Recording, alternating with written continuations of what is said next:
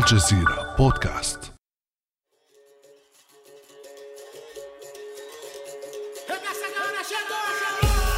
التيمومي كريمو البادو الزاكي خيري وهذه بصير. أوه صلاح الدين بصير. صلاح الدين بصير. والهدف الأول والبصمة رائعة لبصير. البصمة رائعة لبصير في مونديال فرنسا. ولعب في منتهى الروعة. شوف بصير على طول في المرمى. يسجل ويضع المغرب في المقدمة بهدف. روعة بصير. صلاح الدين بصير يتقدم يسجل ببراعة ويفتح شهية المنتخب المغربي لمزيد من الأهداف. في ذلك اليوم من عام 1998 فاز المنتخب المغربي بثلاثية نظيفة أمام منتخب اسكتلندا في أكبر انتصار لمنتخب عربي في كأس العالم. الحظ ربما حينها حرم أسود الأطلس من العبور للدور الثاني رغم أن المغرب كانت أول دولة تتأهل للدور الثاني في النسخة الثامنة من المونديال عام 1986 في المكسيك. لكن السجل العربي عموما لم يرقى ابدا للتطلعات. أما الجماهير العربية فلا تتخلى ابدا عن منتخباتها وأملها اليوم يتجدد. فالمونديال هذه المرة يقام على أرض عربية وتشارك فيه أربع منتخبات عربية. فماذا يقول لنا تاريخ المونديال عن أداء المنتخبات العربية؟ ولماذا لا تترجم النجاحات القارية إلى إنجازات عالمية؟ وهل نتوقع مفاجأة عربية في مونديال قطر 2022 وأي المنتخبات المشاركة اليوم تتمتع بحظوظ أكبر من غيرها؟ بعد أمس من الجزيرة بودكاست أنا امال العريسي.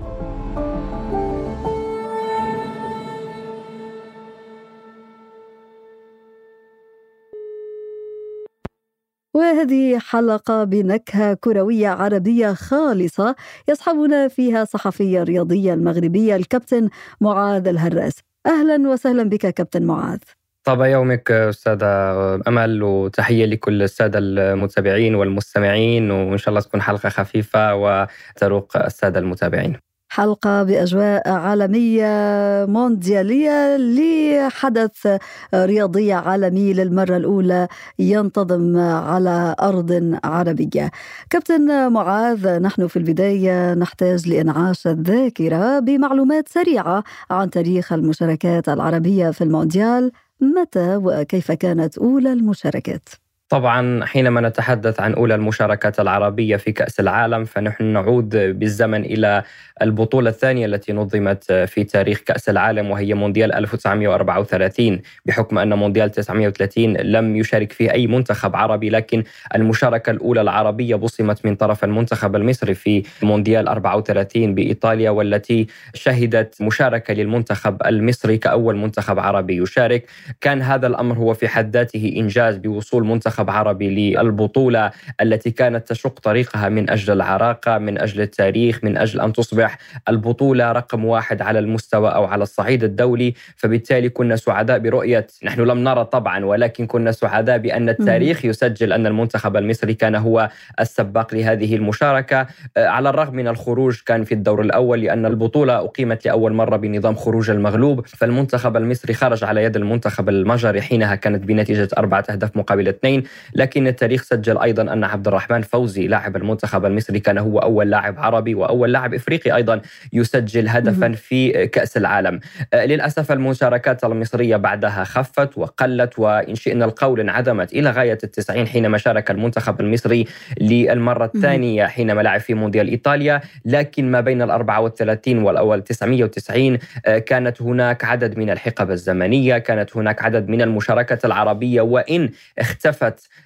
هذه المشاركات من ال 34 إلى غاية ال 970 حينما شارك المنتخب المغربي كثاني بلد عربي يشارك في البطولة وأول مشاركة للمنتخب المغربي الذي أصبح بعدها أيقونة للمشاركات أو للمنتخبات العربية في تاريخ كأس العالم ببصمه بست مشاركات في المونديال بجانب كل من تونس والسعودية. طبعا نحن نتحدث عن ست مشاركات باحتساب المشاركة التي ستكون بعد نعم. أيام مع المنتخب الشقيق القطري في كأس العالم قطر 2022 ومنذ نسخة عام 1978 كابتن معاذ لم تنقطع المشاركات العربية في المونديال وحينها سجل المنتخب التونسي أول فوز للعرب ثم أذهل الجزائريون العالم عام 1982 بفوز على منتخب الماكينات الألماني. لنستمع إلى هذا المقطع من تقرير سابق للجزيرة عن تلك اللحظات التاريخية.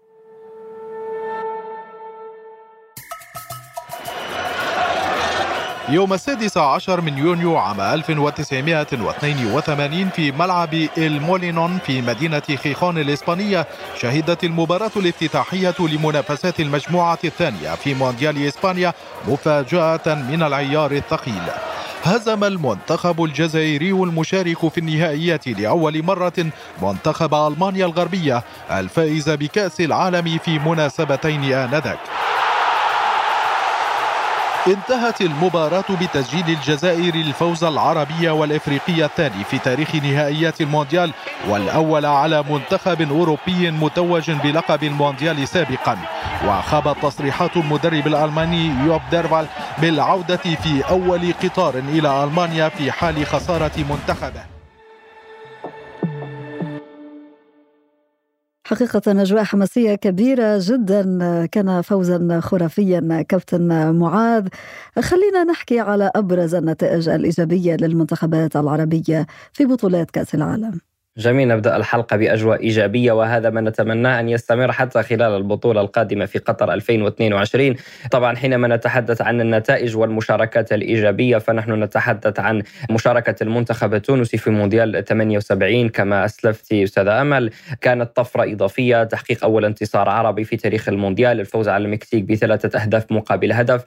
لكن الفرحة لم تتم والحسرة كانت بعد الخسارة للمنتخب التونسي أمام المنتخب البولندي ثم التعادل أمام المنتخب الألماني والخروج من الدور الأول بثلاث نقاط فقط وكان للأسف بفارق نقطة واحدة فقط كانت عن المنتخب الألماني الذي اعتلى أو احتل المركز الثاني. لكن بعد ذلك أتت المشاركة الجميلة للمنتخب الجزائري لمحاربي الصحراء في مونديال 82 والتي أنا يعني أود أن أقول إنها حصلت المؤامرة التي أدت إلى خروج المنتخب الجزائري. لماذا حصلت المؤامرة؟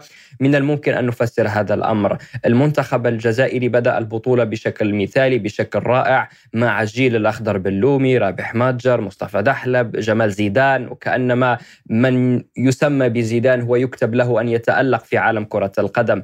نسبة لزين الدين زيدان أيضا اللاعب العربي ذو الأصل العربي لاعب المنتخب الفرنسي الذي توج لاحقا أو بعد ذلك بمونديال الثمانية وتسعين. لكن لماذا هي مؤامرة؟ لأن المنتخب الجزائري كما قلنا فاز على منتخب ألمانيا في المباراة الأولى هدفين مقابل هدف بهدفي رابح ماجر وبلومي ثم بعد ذلك كانت الخسارة أمام المنتخب النمساوي في المباراة الثانية بنتيجة 2-0 ثم الفوز على تشيلي بنتيجة ثلاثة أهداف مقابل هدفين في المباراة الثالثة. ما الذي حصل؟ أن المنتخب الجزائري كان بحاجة لفوز المنتخب الألماني بفارق أكثر من هدف على المنتخب النمساوي في المباراة الأخيرة. لكن لم يكن هناك نظام لاعب المباريات في نفس الوقت حينها والمنتخب الألماني أمام المنتخب النمساوي لعب في اليوم الموالي لمباراة الجزائر وتشيلي التي فاز بها المنتخب الجزائري. وما حصل أن المنتخب الألماني بعدما سجل الهدف الأول مبكرا بدأ الفريق يتبادل التمريرات في واحدة كانت اسمح لي أقول إنها من أسوأ لقطات كرة القدم التي لم ترق حتى مشجعي المنتخب الألماني الذين كانوا يودون أن يروا منتخب بلادهم يلعب بكل بكل شرف إن شئنا القول. لماذا نحن نسميها مؤامرة؟ لأن المنتخب الجزائري بعدها قدم اعتراض للفيفا وهذا الاعتراض رفضه الاتحاد الدولي لكرة القدم لكن بعدها مباشرة أصدر قرارا بأن تلعب مباريات الدور الثالث في نفس الوقت منعا للتلاعب في المباريات وكان هذا إن شئنا القول بمثابة آه، الاعتراف الضمني من الفيفا بأن ما حصل في مباراة ألمانيا والنمسا هو كان تلاعب من الفريقين من أجل إن شئنا القول تأهل الجارتين إن شئنا القول إسقاط المنتخب الجزائري. لا أود الخوض في هذا الموضوع بشكل نعم، لكن نعم. هذا ولكن هو التاريخ. رغم ذلك ولكن طبعا هذا هو التاريخ ولكن رغم ذلك تبقى هذه النتيجة خالدة في مسيرة مشاركة محاربي الصحراء في كأس العالم. وكذلك كانت مشاركة المغرب كابتن معاذ في مونديال فرنسا عام 98 حاضرة بقوة في ذاكرة من عاشوا تلك الأجواء. طبعا قبل ال 98 كانت أيضا مشاركة المغرب في المونديال 86 وكان هو أول منتخب عربي يتأهل إلى الدور الثاني بعدما لعب في المجموعة التي ضمت كل من آه، إنجلترا والبرتغال والمنتخب البولندي. والمنتخب المغربي بعد ذلك استطاع أن يتأهل بأربع نقاط تعادلين كان أمام بولندا وإنجلترا وفاز على البرتغال في المباراة الأخيرة بثلاث أهداف مقابل هدف. ثم في دور ال 16 وكأن القدر دائما يشاء أن تلتقي المنتخبات العربية بمنتخب ألمانيا وهذه المرة المنتخب الألماني هو من أسقط المنتخب المغربي في دور 16 بهدف لوثر ماتيوس كان من ركلة حرة في آخر دقائق المباراة. بعد مباراة بطولية قدمها المنتخب المغربي. تلتها أيضا مشاركة المنتخب السعودي وثاني المنتخبات العربية التي تأهلت إلى دور 16 في مونديال 94 وكانت هذه البطولة التي شهدت أول منافسة عربية عربية خالصة في دور المجموعات حينما التقى المنتخب السعودي بجاره المنتخب المغربي وانتهت المباراة بهدفين لهدف لصالح المنتخب السعودي وأيضا بصمت على واحدة من أيقونات المونديال وهو هدف سعيد العويران الشهير في مرمى المنتخب البلجيكي حينما راوغ المنتخب البلجيكي من منتصف الملعب ثم أسكنها الشباك وكانت واحدة من أجمل الأهداف التي سجلت في تاريخ كأس العالم. ثم بعد ذلك نعود إلى مشاركة المنتخب المغربي في مونديال 98 وهي المشاركة التي أنا أسميها بعنوان واحد وهو سوء الحظ. لماذا سوء الحظ؟ لأن المنتخب المغربي وقع أمام واحد من أفضل المنتخبات أمام حامل اللقب المنتخب البرازيلي الذي كان توج بمونديال ال 94 البرمجة لم تخدم المنتخب المغربي لأنه كان مضطرا لخوض مباراتين قويتين أمام المنتخب البرازيلي ثم أمام المنتخب النرويجي ثم المنتخب البرازيلي. وحتى نكون واقعيين المنتخب المغربي لم يكن قادرا على مجاراه المستوى المرتفع الذي كان به المنتخب البرازيلي ومني بهزيمة 3-0 وأيضا بسوء حظ هدف عكسي من لاعبنا الجميل يوسف شيبو الذي اسكن الكرة في شباكه بالخطأ في مرماه وهذا جزء من كرة القدم. ثم بعد ذلك بتساؤل ما الذي حصل؟ لا أريد أن أخوض أكثر من هذا لكن كيف لمنتخب البرازيل أن يسقط أمام المنتخب النرويجي بهدفين مقابل هدف في المباراة الأخيرة والتي أدت إلى تأهل البرازيل والنرويج وسقوط المغرب على الرغم من المباراة الرائعة والكبيرة والتي تحدثت عنها في مقدمتك أستاذ أمل حين تحدثت عن أكبر فوز لمنتخبات عربية في كأس العالم فوز المنتخب المغربي أمام اسكتلندا 3-0 لكن ذلك لم يشفع للمنتخب المغربي التاهل وإن كسب بذلك تعاطف العالم العربي اجمع الذي كان متعاطفا مع الأداء الكبير الذي قدمه المنتخب المغربي في تلك البطولة. نعم. في هذه النقطة كابتن معاذ نتحدث عن هذه الثنائية ثنائية الحظ والأداء هل هي مشكلة المنتخبات العربية في المونديال هي ضعف أداء أم سوء حظ كما قلت مثلا مصر اللي هي أكثر الدول حصدا لكأس الأمم الأفريقية لكن نادرا ما تتأهل لكأس العالم لماذا برأيك كابتن معاذ؟ حقيقة أنا أرى أن المنتخب المصري تاريخيا ظلم في هذه الإحصائية. ربما هي أرقام صحيحة أن المنتخب المصري لم يتأهل سوى ثلاث مرات هذا حقيقة. لكن إذا عدنا للتاريخ إذا حللنا التاريخ إذا رأينا ماذا حصل خلال تاريخ البطولات العالمية ومشوار المنتخب المصري في التأهل إلى كأس العالم خلال التصفيات نجد أن هناك نوع من التفاصيل التي يجب علينا أن نذكرها من باب الإنصاف لا من باب الدفاع على المنتخب المصري. لأنه المنتخب المصري تقريبا نحن نتحدث عن 22 نسخة لكأس العالم لم يشارك في دور التصفيات سوى ست إلى سبع مرات في الأدوار الإقصائية الإفريقية. مثلا في مونديال البرازيل بالخمسين المنتخب المصري كان بالفعل متأهلا إلى البطولة ولكن هو اعتذر بسبب عناء السفر إلى أمريكا اللاتينية وعدم توفر الإمكانيات المادية اللازمة لذلك. وهذا الأمر كان قد جرت به العادة في البطولات التي كانت تقام في منتصف القرن العشرين. مع انعدام التطور في كرة القدم آنذاك أو إن شئنا القول تخلف نوعا ما لكرة القدم أو بالمقارنة مع ما يحصل حاليا. حاليا. في مونديال السويد 58 كانت هناك مشاكل سياسية في مصر. اضطر معها إلى الانسحاب من التصفيات. في 62 كانت هناك ظروف سياسية داخلية. في 66 المنتخب المصري رفض المشاركة بسبب العدوان الإنجليزي الذي كان حينها على الدول القارة الإفريقية. في مونديال المكسيك السبعين كان المنتخب المصري لا يزال يعاني من أثار نكسة ال 67 وتوقف الأنشطة الرياضية فبالتالي اعتذر عن المشاركة. فبالتالي هذه هي بعض الظروف التي ساهمت في غياب المنتخب المصري. الفكرة عن كأس العالم، لكن طبعا هناك ظروف أخرى. حينما استقر الوضع واستتب الأمن لدى المنتخب المصري وأصبح قادرا على المنافسة في التصفيات. وجد أنه لم يستطع أن يلتحق بركب المنتخبات التي أصبح لها باع طويل في المشاركات المونديالية مثل المغرب مثل م. تونس، فبالتالي آه، بعد العودة لأجواء المشاركة المونديالية ربما نقول ان كان هناك فقدان لإيقاع التصفيات المونديالية وأيضا طريقة إدارة المنافسة. هو بالفعل كابتن معاذ المنتخبات المغربية أداؤها أفضل بالمجمل لكن أيضا يبقى دون المأمول آه، من فرق تسخر بنجوم أندية أوروبية أليس كذلك؟ طبعا هذا مشكلة أو هذه مشكلة عانت منها المنتخبات المغاربية في المشاركات خصوصا المنتخب المغربي والمنتخب التونسي. المنتخب المغربي لم ينجح في التأهل إلى الدور 16 مرة واحدة كان في 86 المنتخب التونسي لحد الآن من خمس مشاركات سابقة لم ينجح في التأهل ولا مرة إلى الدور المقبل. فهذه نقطة لا تحتسب لصالح المنتخبات المغاربية على الرغم مما تسخر به من نجوم ما تسخر به من أسماء التي تستطيع أن تنافس على المستوى العالمي. ولدينا عدد من النجوم سواء حاليا أو بالماضي أسماء لعبت في بعض من فرق النخبة في كرة القدم الأوروبية، لماذا؟ أنا ربما أستدل بهذا الأمر هو بتصريح كان للاعب المنتخب المغربي السابق نبيل ديرار الذي شارك في مونديال 2018 كان يتحدث عن ضعف التواصل ما بين اللاعبين القادمين من مختلف الجنسيات، خصوصا مثلا لدى المنتخب المغربي تجد اللاعبين المغاربة الذين نشأوا في هولندا، اللاعبين الذين نشأوا في فرنسا، اللاعبين الذين نشأوا في إسبانيا، حتى وحيد خليلوزيتش المدرب السابق للمنتخب المغربي والذي الذي أهل أسود الأطلس إلى مونديال 2022 تحدث عن هذا الأمر وقال كنا نحتاج إلى الترجمة لأكثر من لغة من أجل أن تصل الفكرة التكتيكية المعينة لكل اللاعبين فبالتالي هذا في حد ذاته ما يشكل ربما إشكالية. ضعف التواصل قد يبدو هو سبب سطحي ولكن هو سبب جوهري. غرفة الملابس دائما هي ما تحكم من أجل تألق فريق أو منتخب أو كائنا من كان لأنه ضعف آه، غرفة الملابس. غياب الانسجام فيما بينها هذا الأمر يؤثر بشكل كبير. فبالتالي هذا أمر هو واحد من الأمور الأمور التي آه، قد تسهم في هذا الأمر. سبب ثاني أيضا هو غياب الهوية الكروية الواضحة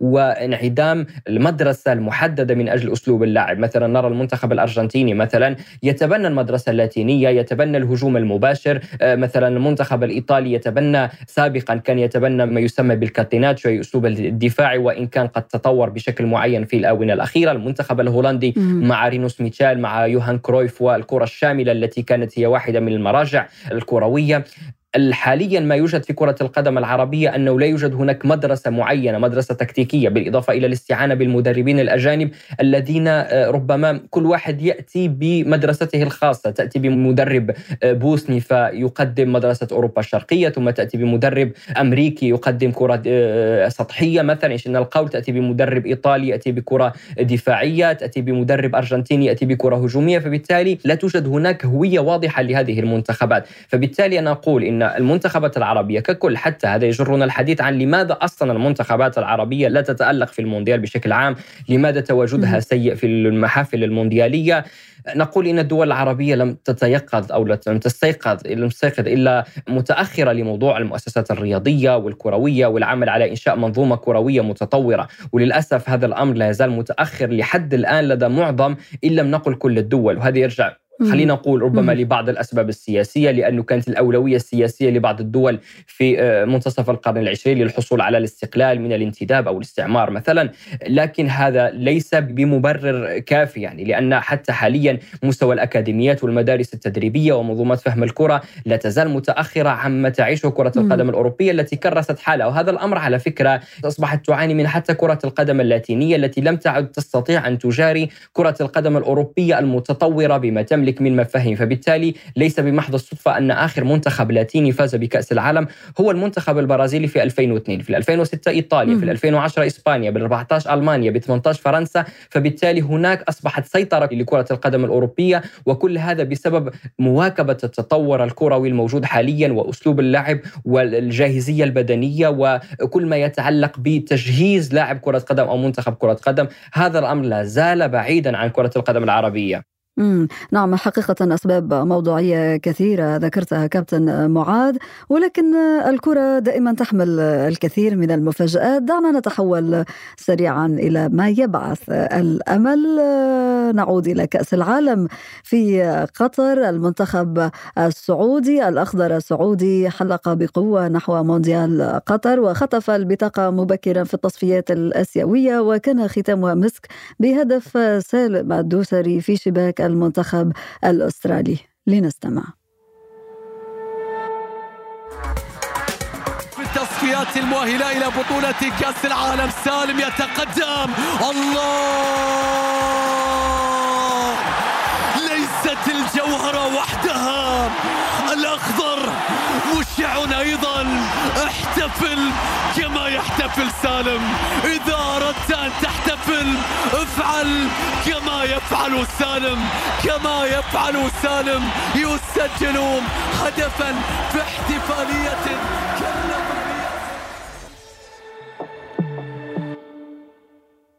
الله الله كابتن معاذ. بمجرد الاستماع إلى هيك تقشعر الأبدان حقيقة كابتن معاذ اليوم في مونديال قطر عندنا أربع منتخبات عربية قطر صاحب الأرض تونس المغرب الأخضر السعودي.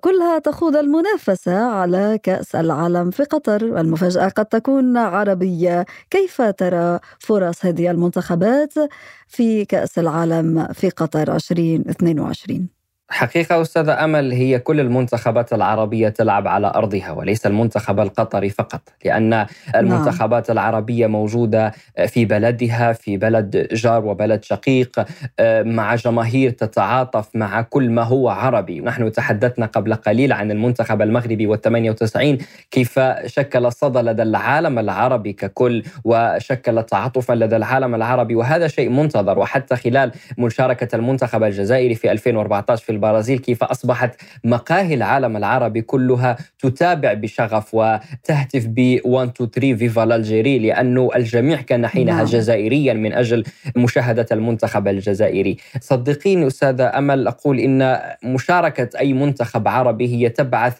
على الفخر. استماع النشيد الوطني لأي دولة عربية في محفل بحجم المونديال هو يبعث على الفخر. أن ترى منتخب عربي قد بصم على مشاركة أصبحت محطة أنظار العالم كله حينما يتابع كيف تعاطف حتى العالم بأسره مع المنتخب المغربي في مونديال 2018 حينما أحرج المنتخب البرتغالي وتعادل مع المنتخب الإسباني. فبالتالي نحن نأمل كل الخير من هذه البطولة مع المنتخب القطري مع المنتخب السعودي مع المنتخب المغربي وكذلك مع المنتخب التونسي. مع تفاوت الفرص مع تفاوت الحظوظ مع القرعة التي لم تكن رحيمة ببعض المنتخبات. خلينا نحكي عن المجموعات الموجودة فيها المنتخبات العربية كيف ترى حظوظ منتخباتنا فيها؟ أنا أرى أن الحظوظ كما قلت هي متفاوتة ما بين الجيد إلى المعقول إلى الصعب جدا. فالمنتخب القطري حاليا في مجموعة تضم هولندا والسنغال والإكوادور مع الجيل الحالي للمنتخب القطري مع المدرب فيليكس سانشيز. لا أرى أن المهمة مستحيلة. ربما يكون ستكون المباراة صعبة أمام المنتخب الهولندي باعتباره واحدا من المرشحين للفوز باللقب. لكن لا أرى أن مهمة قطر صعبة أمام المنتخبين السنغالي والإكوادوري وقادرة على خطف بطاقة العبور. استعانة بعاملي الأرض والجمهور، استعانة ببعض العوامل مثل التخبط الذي يعانيه حاليا المنتخب الإكوادوري الذي كاد يغيب عن البطولة بسبب خطأ نعم. قانوني أصبح مع اللاعب آه، بايرون الذي بعد ذلك تهم بعدم تمثيله أو بعدم حصوله على الجنسية الإكوادورية، لكن عموما القصة طويلة وقد طويت في آه، سجلات آه، المحكمة الرياضية وتم السماح للمنتخب الإكوادوري بالمشاركة، حاليا المنتخب السنغالي أيضا تلقى ضربة موجعة بغياب لاعبه ساديو ماني وجميعنا نعلم ماذا يعني ساديو ماني للمنتخب السنغالي. فبالتالي هذه فرصة يجب على المنتخب القطري أن يغتنمها بجانب عاملي الأرض والجمهور وأمانة كمتابع لكأس العالم ربما منذ فترة لا بأس بها. أعتقد أن المنتخب من الجميل أن نرى منتخب أصحاب الأرض يستمرون إلى أبعد طريق في كأس العالم وإلى أبعد مشوار. نرجو ذلك. طبعا نرجو ذلك طبعا, طبعا. بالنسبة نعم. لي نتمنى كل الحظوظ للعنابي. نعم. دون شك. بالنسبة للمنتخب المنتخب السعودي الذي حل في مجموعة لم تكن رحيمة به أمانة مع المنتخب الأرجنتيني وما أدراك ما المنتخب الأرجنتيني بطل كوبا أمريكا مع الجيل المرعب حاليا بقيادة واحد من أفضل اللاعبين في التاريخ ليونيل ميسي ويدخل هذه البطولة بشكل آخر لأنه إن شئنا القول هي الرقصة الأخيرة لليونيل ميسي في كأس العالم لأن ميسي من المحتمل أن يعتزل دوليا بعد كأس العالم أو على الأقل أن تكون هذه هي البطولة العالمية الأخيرة له وسيسعى لأن يتمها بشكل سينمائي جميل أن يفوز بهذا اللقب الذي لم يستطع أن يفوز به المنتخب المكسيكي الذي أصبح واحدا من المنتخبات المحترفة في عالم المونديال والذي أصبح يشارك باستمرار في البطولة. ونتذكر جميعا ماذا يعني المنتخب المكسيكي في مونديال 2018 حينما أخرج المنتخب الألماني من دور المجموعات وهدف لوزانو الشهير. وكذلك لدينا المنتخب البولندي مع روبرت ليفاندوفسكي المهاجم الكبير. فأتوقع أن المنتخب السعودي لم يكن محظوظا أبدا بهذه القرعة لكن أملنا في إرفيرونار مدرب المنتخب السعودي أملنا في سالم الدوسري الذي سمعنا تعليق هدفه الرائع جدا في الأدوار الإقصائية وهو واحد من اللاعبين الذين تعلق عليهم الآمال لدى المنتخب السعودي بجانب سلمان الفرج بجانب نواف العابد بجانب الشهراني بجانب فراس البريكان اللاعب الشاب الذي دخل قائمة إيرفي رونار ورغم هذه الصعوبات بالنسبة للأخضر السعودي كابتن معاذ نرجو أن تتحقق المفاجأة ويتجاوز كل الصعوبات نحو الخروج من دور المجموعات ماذا عن المنتخب التونسي كابتن معاذ؟ طبعا المنتخب التونسي حظوظه آه، هي ما بين الصعب إلى الممكن لأنه هذا هو عالم كرة القدم. اولا عالم لا يعترف بأي قاعدة وإن كانت هناك بعض الظروف التي تساعد المنتخب التونسي للفوز ببطاقه عبور ان شئنا القول. لأن المنتخب الأسترالي نوعا ما مقدور عليه. باعتبار أن المنتخب الأسترالي أصبحنا نتعرف على مستواه حينما يشارك في بطولة كأس أمم آسيا في التصفيات الآسيوية مع المنتخبات العربية وشاهدنا كيف أنه عانى أمام المنتخبات العربية العربية من قبيل المنتخب القطري أو المنتخب السعودي في فترة سابقة. لكن يبقى التحدي الأكبر هو أمام منتخبين أوروبيين عنيدين المنتخب الدنماركي الذي يملك تجربة ويملك بعد طويل أو يملك خلينا نقول أنه جيل عنيد جدا حاليا مع عدد من الأسماء مع كريستنسن مع إريكسن مع بريثويت مع عدد آخر من اللاعبين المميزين في المنتخب الدنماركي. ثم بعد ذلك هناك حامل لقب هناك المنتخب الفرنسي منتخب الديك الذي يعتبر هو المرشح الأول للظفر ببطاقة العبور. وإن كان هذا الأمر يشوبه شائبة لأن المنتخب الفرنسي حاليا يعاني من مشاكل فيما يتعلق بالإصابات فيما يتعلق بجاهزية اللاعبين. غياب بول بوجبا الرسمي عن البطولة بسبب الإصابة غياب نغولو كانتي عن البطولة بسبب الإصابة عدم جاهزية كريم بنزيما الذي غاب عن عدد من المباريات مع ريال مدريد ثم الآن هو لا يتدرب مع المنتخب الفرنسي بسبب الإصابة ثم هناك ما يسمى بلعنة البطل للمنتخب الفرنسي التي آه قد ما قصته هذه كابتن معاذ؟ لعنة, لعنة البطل. في المونديال معروفة هي أن المنتخب الذي يفوز أو منتخب حامل اللقب يخرج من الدور المقبل للبطولة المقبلة. بمعنى. في 2000 أو في 98 المنتخب الفرنسي حينما فاز بالبطولة بال 2002 غادر من دور المجموعات، 2006 حينما المنتخب الإيطالي ظفر بالبطولة، في 2010 غادر من دور المجموعات، المنتخب الإسباني في 2010 حينما ظفر بالبطولة خرج من الدور الأول في 2014 آه، 2014 لما المنتخب الألماني آه، فاز بالبطولة. بال 2018 غادر من الدور الأول أيضا. فنتمنى يعني أنا الآن سألبس قميص المنتخب التونسي وأقول أتمنى أن تستمر هذه اللعنة مع المنتخب الفرنسي.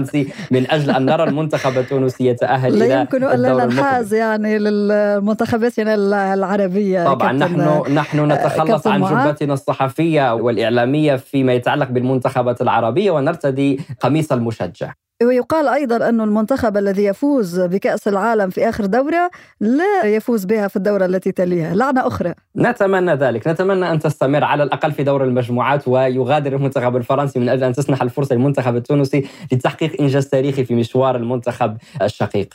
أها. وماذا عن المنتخب المغربي ومشاركته في مونديال 2022 وأنت الكابتن والمحلل الرياضي والصحفي الرياضي المغربي. المنتخب المغربي هو أكثر منتخب محير في تاريخ المشاركة العربية. دائما يدخل بأسماء قوية دائما يدخل بتشكيلة متوازنة دائما يدخل بأسماء عالمية لكن بعد ذلك يحصل هناك شيء ما. الفار مثلا هو الذي أخرجنا إن شئنا القول نوعا ما في 2018 98 ما حصل في مع البرازيل والنرويج وما تحدثنا عنه سابقا.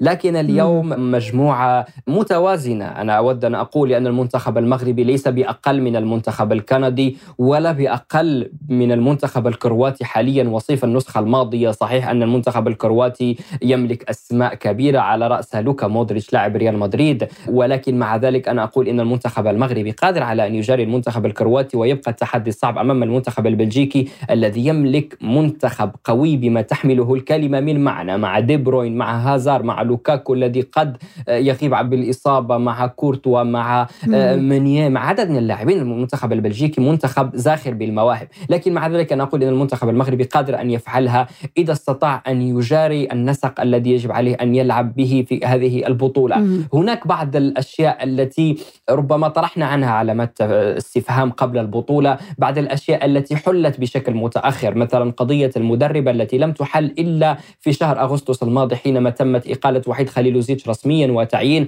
مدرب مم. شاب مدرب محلي الذي هو وليد الركراكي الذي قاد نادي الوداد الرياضي إلى التتويج بثنائية دوري الأبطال والدوري المغربي. قضية عبد الرزاق حمد الله والتي كانت هي أجمل خبر سمعناه في قائمة المنتخب المغربي المستدعات حينما تم استدعاء عبد الرزاق حمد الله مهاجم نادي الاتحاد السعودي إلى المنتخب المغربي. ونحن جميعا نعلم ماذا عانى المنتخب المغربي فيما يتعلق بالنقص للمركز رقم تسعة أو راس الحربة للمنتخب المغربي. فبالتالي م. كل هذه العوامل أصبحت جاهزة للمنتخب المغربي من أجل أن يلعب بطولة قوية. عودة حكيم زياش عودة نصير مزراوي تواجد لاعب كبير بحجم أشرف حكيمي الذي يجاور ميسي ونيمار ومبابي في باريس سان جيرمان تواجد لاعب حريف بحجم سفيان بوفال. آه، تواجد لاعب شاب جميل بحجم عبد الصمد الزلزولي كجناح أيسر الذي يستطيع أن يخلق منافسة قوية.